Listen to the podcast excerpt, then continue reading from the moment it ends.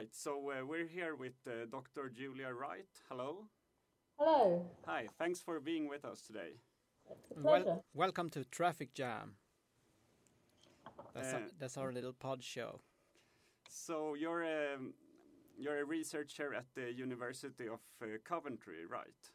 yes, that's right. I work in the Centre for Agroecology, Water and Resilience at Coventry University in the UK. Okay, and uh, yeah, the reason we wanted to talk with you is because uh, you wrote your uh, PhD on the um, uh, Cuban agricultural system after the collapse of the Soviet Union. Yes, that's that's correct. I, I started that in uh, 1998. Okay, So at the end of that decade, when Cuba had been experiencing economic problems. and the and the book was released in 2009, correct? Yes, that's right. Well, I did the thesis first, and I was a little, I got a bit distracted by that along the way, and so then I wrote the book afterwards. So it was. This is the this is the thing with a lot of research that the data only comes out quite a long time after the research was undertaken. So we always have to bear in mind that it's old data. Okay, Uh, yeah, and that's also one of the reasons we wanted to talk with you, Yeah. of course, to see if you if you something else has happened since. Uh, Yes. yeah. But uh, could we start with maybe just a short introduction about you and uh, like a background to your research field and uh, why you choose the subject of uh, Cuba for writing your PhD? Yes, certainly. Well, my background uh, in terms of profession is in international agricultural development, and I've always uh, been um, sort of um, interested in organic farming and agroecological farming and food systems. It just seems to make sense to me. Um, not having grown up on a farm or gone to agricultural college, I haven't sort of been trained in conventional or industrial agriculture. So, in that sense, I've been a bit freer uh, mentally to embrace other ideas. And um, and I and I've worked quite a bit in conventional agricultural research and seen conventionally run farms. And in the 20 years or so that I was doing that work, including I worked in international research centres in different parts of the world, um, I I was always curious to know why uh, researchers and farmers and other actors in the field did not promote organic farming more often. And in my 20 years of working up to that point, I never came across one good, rational reason why people didn't at least try to farm organically, you know, in the mainstream. I mean, there are many reasons why not, but no one ever seemed to have even tried. You know, if you try and it fails, that's one thing, but if you don't even bother trying, that's something else. So it seemed to me that there was something going on there. And so when I heard in the early 1990s about the crisis in Cuba and that they had been cut off from external inputs, etc., and some people were saying that they were converting to organic farming, I felt, well, there's a country that is in this situation, and if they are organic, it has major implications for this whole discourse on food security and food systems and sustainability. So I presumed that lots of people will, would be rushing to Cuba to find out what was going on, but as it turned out, I was the only person. I mean, and, and even throughout my research periods in Cuba, I was the only person who was really looking at the farming system in rural areas as opposed to urban areas. Um, other people tried. It wasn't easy to do, you see, but I didn't meet any inst- of these international research centres. I didn't meet them investing their money in research. I had to. It took me a long time to get the funding myself to do the work, and so I think it was curiosity driven, but with um, political implications. Uh, that that I that I went there um, in the in the first place. That's what that's what drove me to do it. Yeah, it was interesting because we yeah, we read your book as part of a, like a bigger study circle on technology and uh, with kind of a very critical perspective. And, it, and we we started to talk like this uh, autumn about yeah we should try to read something about Cuba and it was really hard to find any research at all on the situation there after after the Soviet collapse. So your book was the only thing I could find at all that talked about the situation.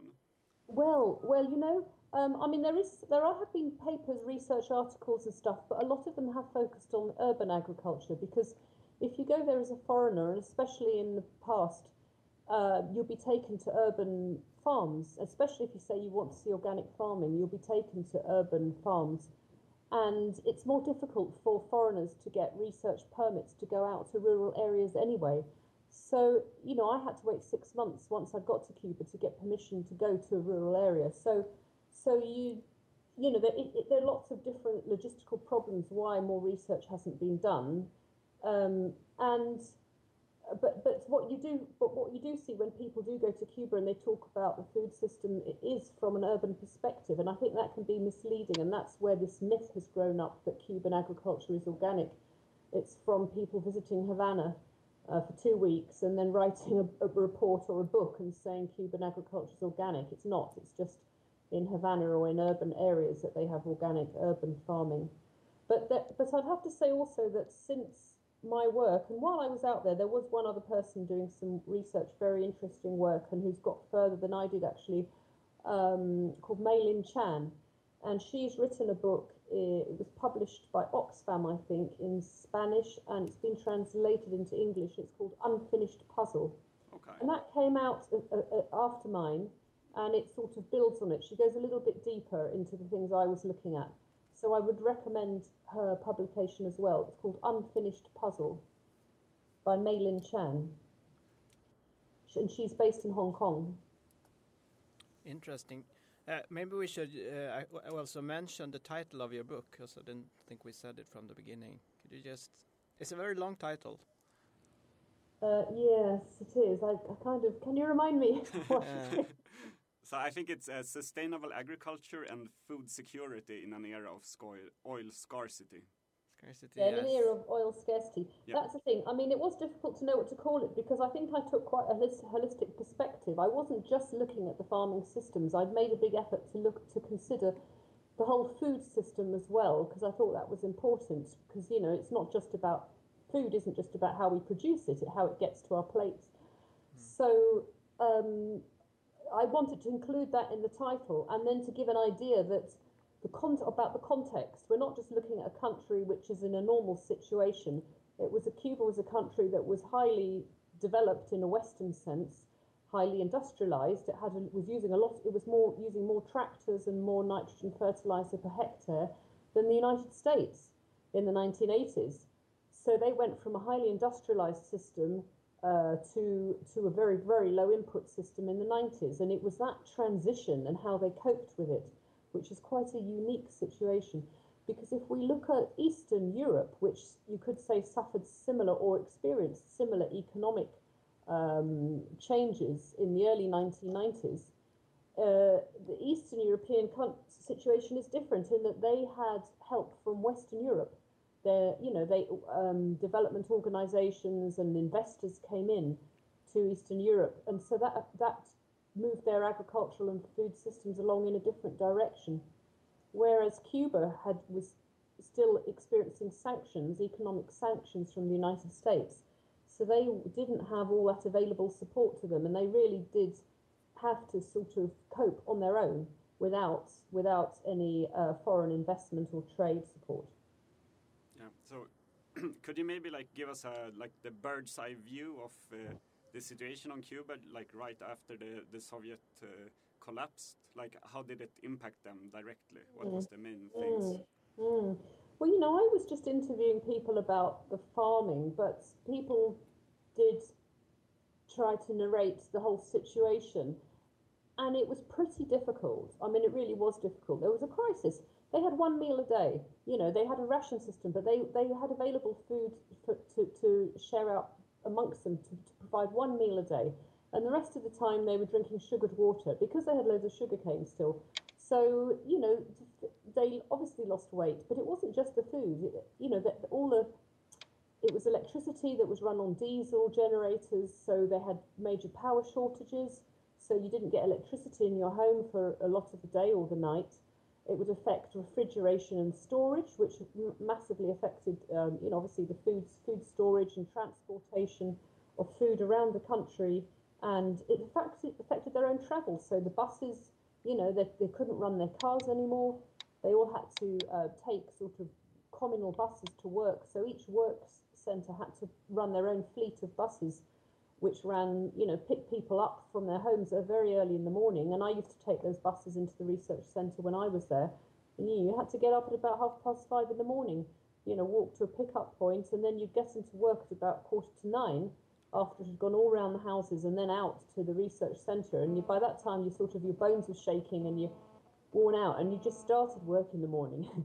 and and so it affected every aspect of people's lives. So even though I was only looking at food and farming, I did get a picture of how people coped. I remember, for example, um, being out on one farm in Havana province, and, and, and this was this was what six years after the crisis had, had struck them um, I met a couple of women who'd hitchhiked for two days from the east of the country to, to Havana province where they had relatives. And they had just come with two empty sacks and they were going to take back uh, a couple of sackfuls of sweet potato. So they'd hitchhiked for two days for two sacks of sweet potato. Oh. So, you know, this is how people were, it was, it was really hard. Mm. And especially for, for people who had been used to going down to the supermarket and getting whatever they wanted, or in their rations getting whatever they wanted. It was like if we in Europe had had suffered that that um, that crisis. You know, how would we cope?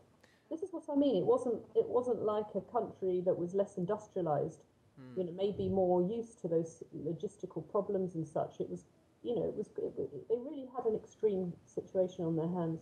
So so so is this, you know, when I was looking around for, you know, being a researcher, I was asking for people for secondary data, like had they written papers or books or anything written down or reports.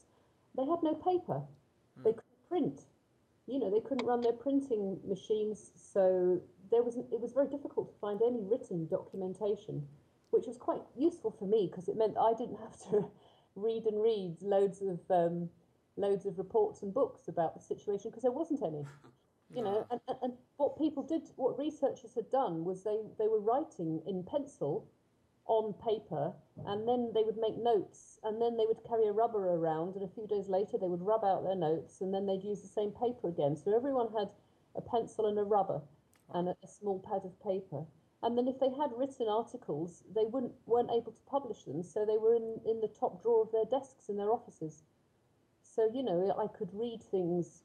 You know, in those days there weren't scanners, so I, you know, they let me read maybe something they'd written while I was in their office, but I couldn't take it away or do hmm. anything with it. So you know, the whole logistical every, everything was was was a challenge for them and for me doing the research. The reluctance from from the government, uh, the regime, to to let you go and do research out of the cities. How? What was the reason? I mean. Well, I mean, I understood why. Um, I think, you know, the history. I mean, and the thing is, I went there actually just to look at agriculture, but it does become very political. And Cuba's had a history of these sanctions imposed by the United States. And there's a kind of David and Goliath sort of idea, or there has, or there was at that time, that Cuba was the small David being picked on by this massive Goliath next door.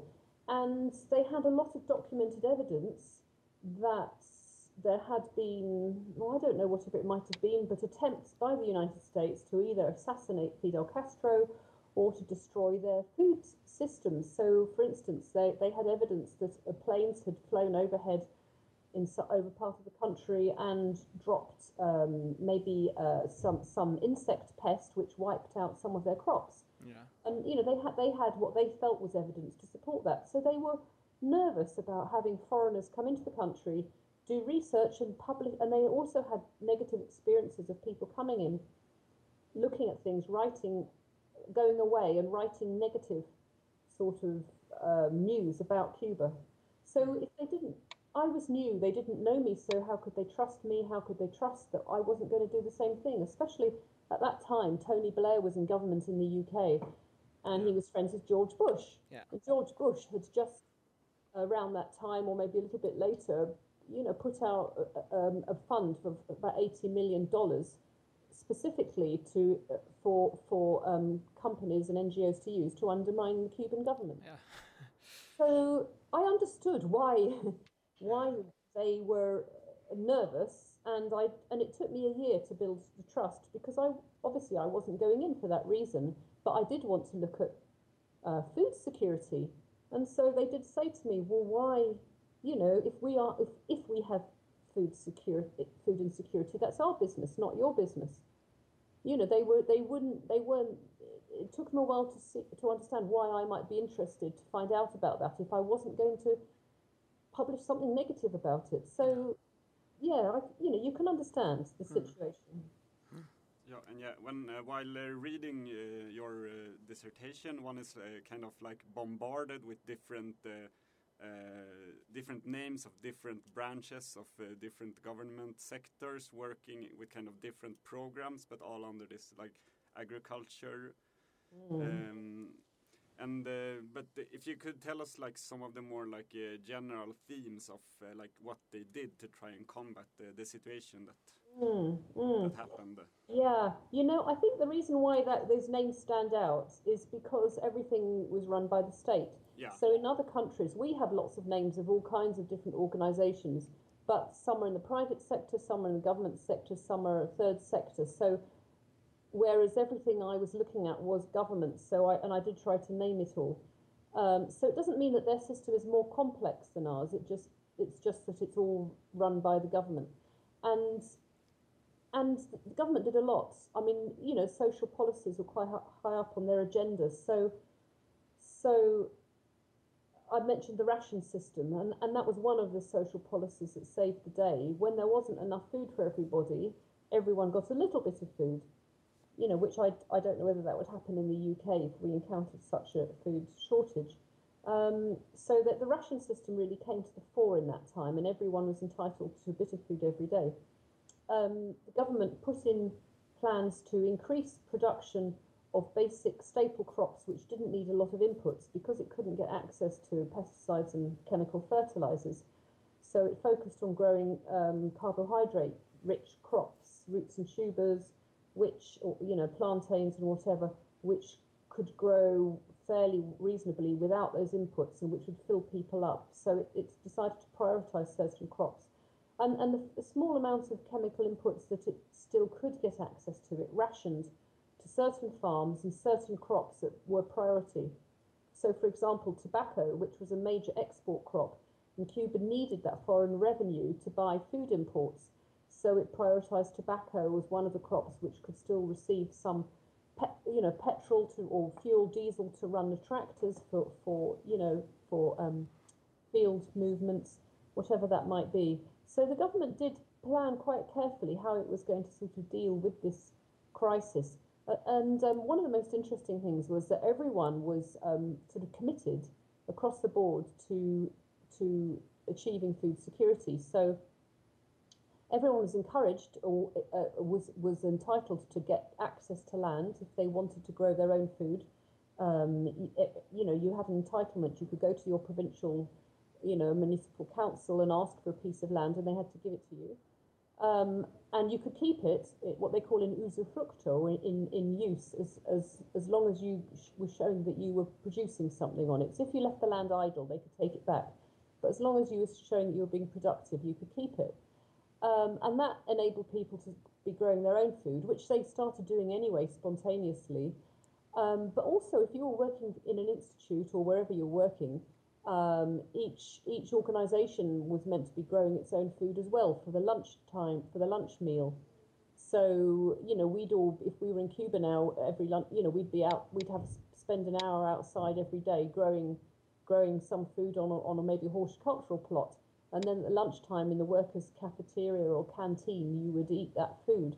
And so, again, that was another way that the government could enable, ensure that most people did get a meal every day at work through, through them. And, it, you know, obviously, it was restricted. It, you might get, you know, rice and um, some kind of root or tuber and, and a green leaf and, you know, maybe an egg if you were lucky. So everyone, you know, still wanted more protein that that wasn't available, or or sort of dairy products, meat products weren't available very much. But you know, everyone got something.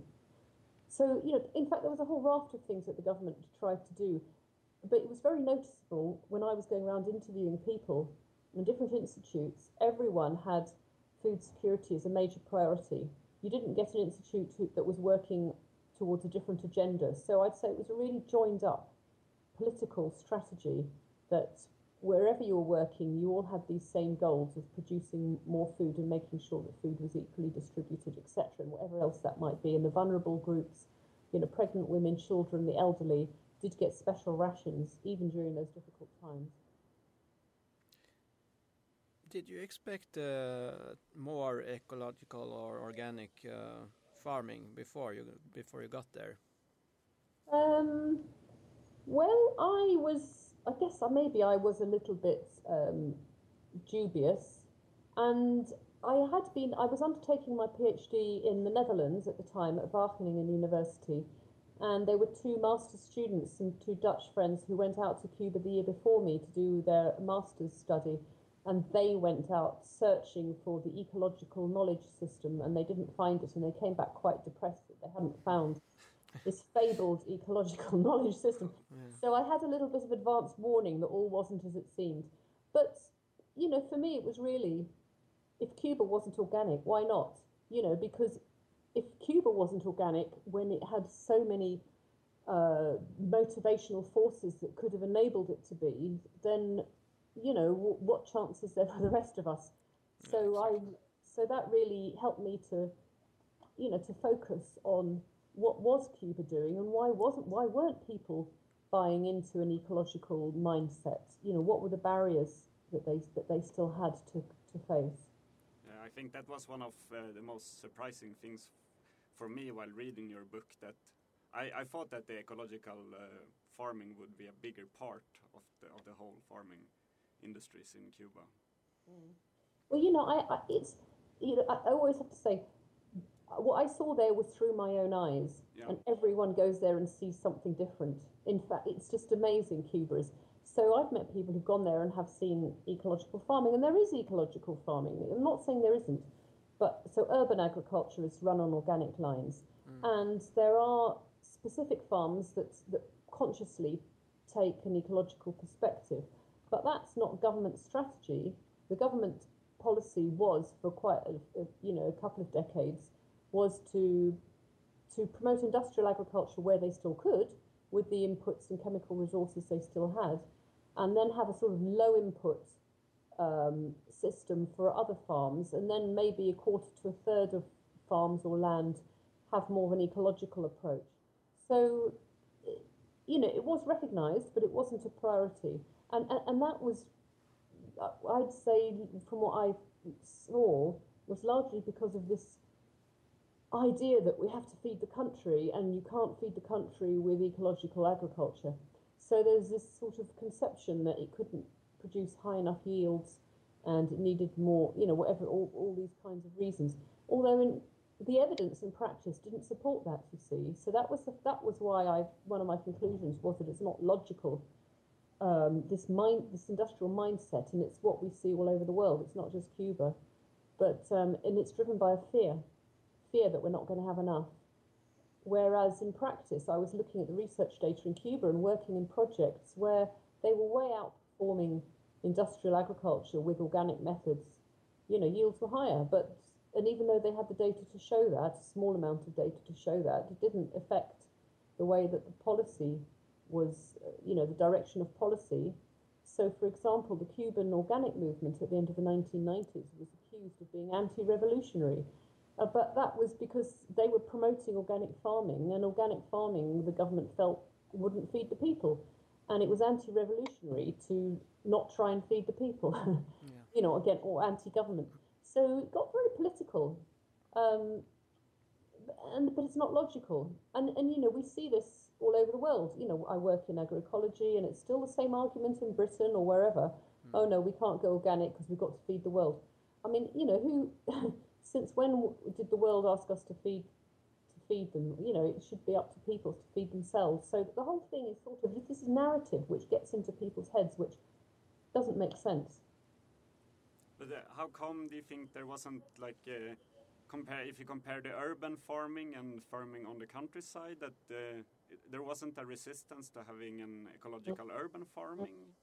Yeah, well, and, and that's interesting. So for start off, um, urban farming was new, so people people who went into urban farming often hadn't been trained in agriculture. So they hadn't learnt about industrial farming. They might be taxi drivers, doctors, you know, other professionals in, in the city, and they were starting from scratch. So it was trial and error. Um, they didn't have access to chemicals. In fact, the, the early urban movement in Havana really was a people's a people's led movement. It didn't have government support to begin with either. They were people just with a, living next to a patch of land, and they gathered some seeds together and planted the seeds. So that they really started quite spontaneously and learnt as they went along. And because they didn't have access to chemicals, they had to look for alternatives. Around that time, in the early 1990s, uh, a team came in from Australia, a permaculture team that helped to promote some basic composting methods and stuff like that. And so, you know, there was a little bit of outside knowledge and some support from, you know, or the organic, you know, groups, more, you know, who weren't, you know, it wasn't, you didn't get Monsanto going in trying to help, even if they could have done, they wouldn't have probably been interested. But the alternative movements were interested to provide some knowledge. So Cubans, you know, had to, at their disposal, uh, you know, organic matter, you know, waste, vegetable waste, whatever it might be, especially in the city. So they used that for composting, and you know, they just gradually developed that as they went along. And, and that's where these organoponicos sort of sprouted up. So it was these raised beds because often the ground wasn't soil, it might just be concrete they were trying to grow on. So they made these raised beds, filled it with a mixture of compost and, and earth, and grew in that. So, so they weren't, in a way, urban agriculture hadn't been um, constrained by mental constructs about how farming should be. And when the government saw that the urban movement was becoming successful, they moved in and supported them. You know, they helped set up um, farmers' shops around the town. So in a town or city, you can go. There are shops that provide seeds, tools, free advice. They had, you know, technical, professional experts in, working in the shops who could provide advice on what to do, um, and those were pretty accessible for for urban growers. And then the government also supported them with markets. So they obviously the markets were controlled as well, but the government enabled growers to, to start selling food right by where they were, you know, right by their, their horticultural plots and to enable them to sell in, in, in alternative markets as well. So generally the government did quite a lot to support urban agriculture. And, and the other thing was that you could see the change very quickly. So, you know, in, in, a, in a few months, you could see the food growing in an area that there hadn't been any before. Whereas in rural areas, the biggest thing was to try and convert these very old, sort of industrial, large scale farms that had been completely dependent on inputs and machinery. You know, that takes a long time to shift that. It's like an oil tanker. You know, they say it takes, I don't know how many days to change the direction of an oil tanker, you know, because it, it's a slow, heavy piece of machinery and it turns slowly. And the soil and is also so yeah, exactly. The soil was degraded, yeah, and degraded. didn't know how, didn't know or didn't have the resources to to to reverse soil de- degradation in a short amount of time. So, in, in you know, throughout the end of the 1990s, there were moves to to promote ecological agriculture in rural areas, um, and people did struggle with that, and they did try, and some continued with it, but others didn't. They said, well, you know, when we get chemicals back, we're going to go back to using chemicals you know, we have to remember that people were forced into this situation. They didn't choose. So it wasn't a mental it wasn't a mental choice. And so some of them learnt about agroecology and stuck with it, but others learnt a bit about it but then went back to using chemicals when they could get their hands on them again. Yeah, we, we had a discussion about the sort of time perspective. Do you think it would have been another another outcome if because here there was this uh, feeling through the book that you were more or less waiting in Cuba to get back to business as normal, business as mm. usual. Do you mm. think it, that affected the strategies? Yeah, well, one of the things that kept the people going was well, this again, this is what I'm saying is just what I noticed. So I could, you know, I'm just a foreigner there, so this is just what I saw. Um, Fidel kept people going by saying, "Don't worry, we've got a hard year this year, but if we all struggle and pull together, next year will be better. Next year will be like the old times. And he kept putting that message over every year throughout the 90s. So people managed to get through year by year. But part of that sales sort of offer was don't worry, the situation's going to get better. So he didn't say to them, you've got to change your whole lifestyle forever. You've got to change your whole farming system forever. He just said, hang on for another year. So a lot of people did just hang on, and I would meet farmers who were almost just sitting there going, "Oh, we're waiting till chemicals come back because Fidel told us that next year it's going to be better." Mm. So you could see why he was doing it. He was helping people live day to day through a difficult time, but they didn't really grasp the bull by the horns and say, "Right, mm. let's um, change direction then." So in uh, in hindsight, uh, what what would you say, or if like comparing to to other countries that had seen like uh, mass starvation catastrophes and stuff, like what what kind of good lessons can we take from the policy that that Cuba implemented? Mm. Yeah, you know, I mean, it's a really interesting point, and, and I do quite a bit of work in other countries. We have a whole program on stabilization agriculture. We're working in with refu- in refugee camps or in, in unstable situations of the world. And I think one of the main things was this idea that there was a joined up policy. So every government um, department was all working for the same agenda. Um, and there was no private sector um, sort of working against that agenda. So, like I mentioned, you we didn't get, you didn't get the big seed companies or the big um, well, whatever it might be, companies coming in to doing something different. Whereas in other countries, you get aid agencies working and you get the private sector coming in and you get all kinds of people pulling in different directions.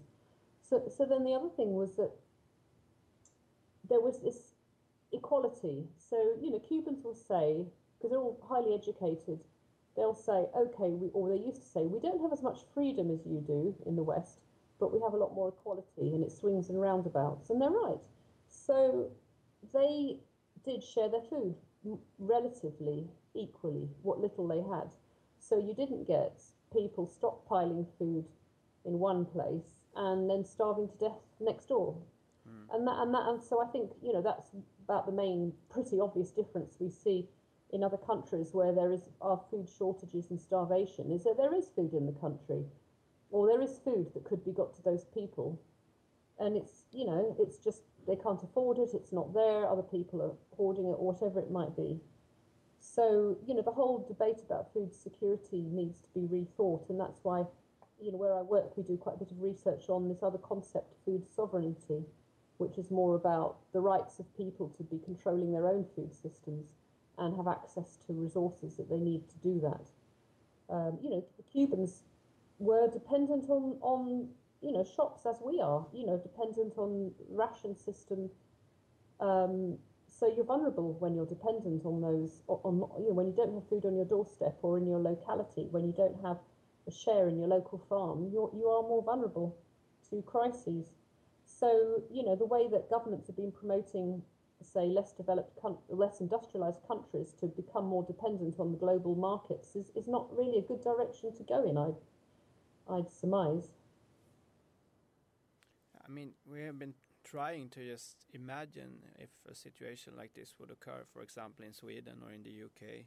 It's it's almost unimaginable because of all the systems we are in. We are in the EU. We are have the trade agreements. We are so dependent on on foreign uh, product production for our food chains, and we have maybe we have very little in stock, etc., etc. Do you think it's even possible to do something like this in a in a Western country today? Yeah, well, anything's possible where there's a political will, and that, and again, that's what Cuba showed. But um, it will be a struggle here, but it is possible. But it's likely that, like Cuba, we'll be forced to do it. It won't be by choice, and and that was the thing. I mean, ideally, I'd like to think, can we learn from Cuba? I mean, I don't know if you've heard of the transition movement, the transition initiative. Yeah. yeah. yeah. So they're saying, you know, because of the peak oil issue and climate change, let's make an enlightened transition to a, a more self sufficient food system, food and farming system, amongst other things. Um, and if we don't make that transition ourselves, it's going to be forced upon us one day when things do run out. so, you know, it's up to us if we want to plan for that or if we want to just wait and let it hit us as it happened in Cuba and then have to try and cope and struggle. Um, and you know, the, and and we're in a worse off position in Cuba in, in the sense that they had very strong social policies and had for years been you know, we have propaganda and media telling us to be more individualistic, that you can have what you want as an individual, etc.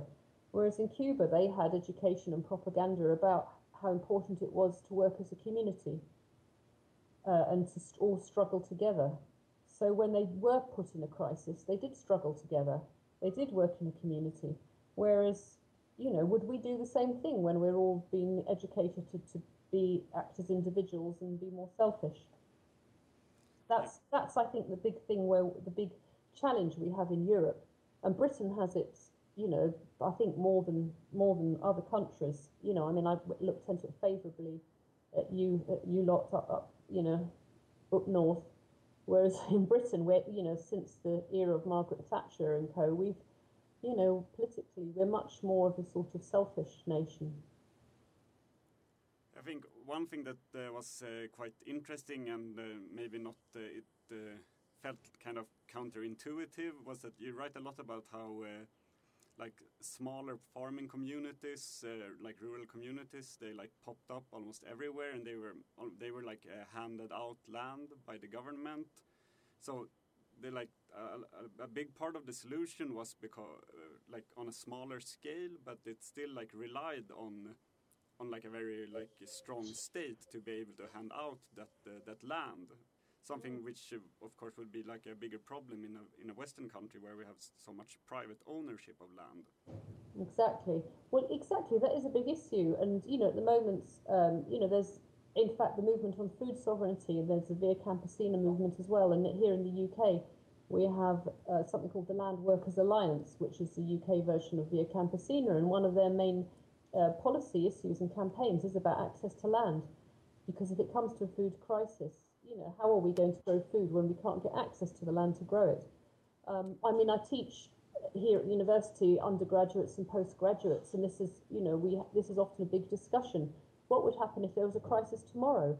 You know, people realise they don't know how to grow food. Even if they do, if you start planting tomorrow in this, you know, temperate climate, we're going to have to wait a few months till we can harvest the food. Uh, where do you get your seeds from?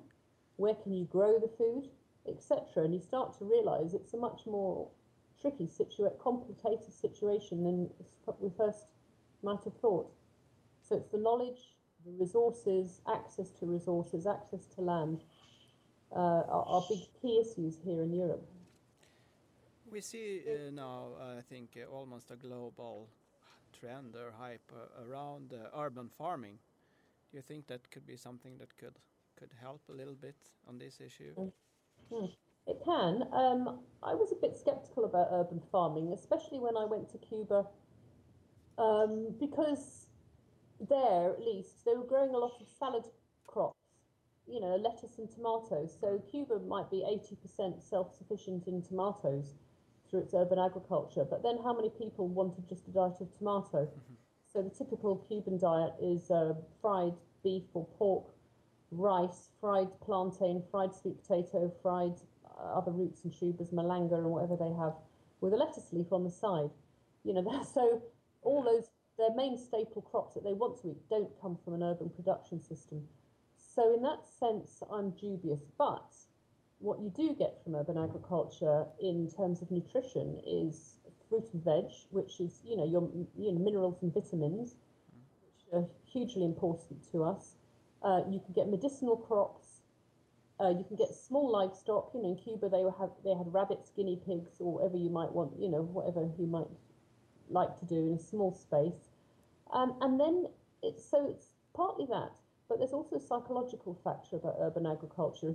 When Cubans saw food being grown that they could eat, when you see food around you, I think it has an impact to make you feel less food insecure.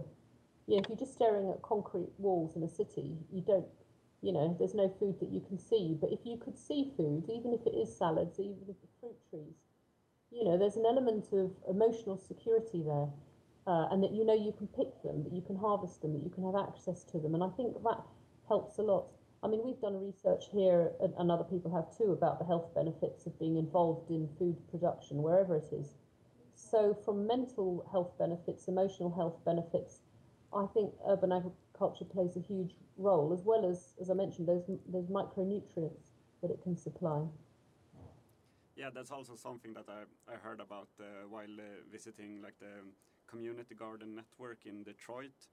They um, spoke very much about uh, community and a lot less about gardening yeah. than, than I thought. And for them, it was it was more a way to to like try to live in the city than to actually get most of your food from it. Yeah. And, and, and the other thing is, I mean, working with nature helps us to work out who we are as human beings as well, to unfold as human beings. It's a path of exploration. So once you start gardening, wherever it might be, you it takes you along a, a path of discovery, and that could be a path that eventually takes you out of the city. You might find that you like growing food so much that you move you move out. You know, so so it's starting to re or connect or reconnect with nature, and it makes you think about cooking. As you say, it makes you start to connect more with people around you. So it's not just a, nice thing to do. I'd say, you know, it's quite an essential thing to do if we really want to find our place as human beings more. I mean, cities have disconnected us from who we who we are in a way, and and uh, urban agriculture helps us to reconnect. But there's the other aspects, and we, we have a I have a PhD student now who's starting work on peri-urban agriculture, which is the area around each town and city, say 20 to 40 kilometre belt around each uh, conurbation. Now, those areas are hugely important, and in Cuba, the government again has been investing for the last 20 years in peri urban agriculture. And I think that's where a lot of promise lies. You know, when we're talking about feeding cities or cities feeding themselves around the world. You know, where they're going to get their food from if they don't want to, these long supply chains, it's from the ru- rural hinterland. And that's where Cuba, we suspect, is, is developing a peri urban ecological agriculture. So they're still using um, biological pest and disease controls and organic composting as they do in the cities in Havana and in Cuba, but they're applying that to the peri-urban area. And uh, I think that's where a lot of we'll see some interesting things there because they have the land area to grow the staple crops there, the, the larger scale livestock and the roots and tubers and the grains that they can't grow in the city. So I think you know peri-urban is a bit is a big underexplored, under-researched area that's you know we need to as a world be sort of you know looking at more seriously in terms of food security. Yeah, that's that's that's also really important since there's such a huge pressure for uh, for building there.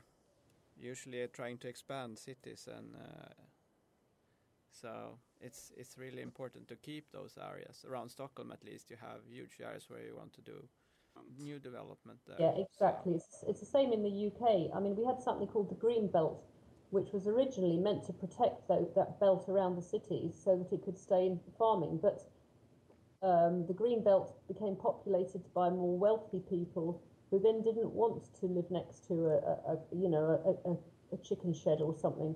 So now they they will you know people have planning difficulties in, in, in running farms in these urban in these peri-urban areas, which is a bit is a bit hypocritical really. But still, you know, I mean that this is that's a temporary thing that will change as our population, you know, plateaus and flattens out and cities stabilize.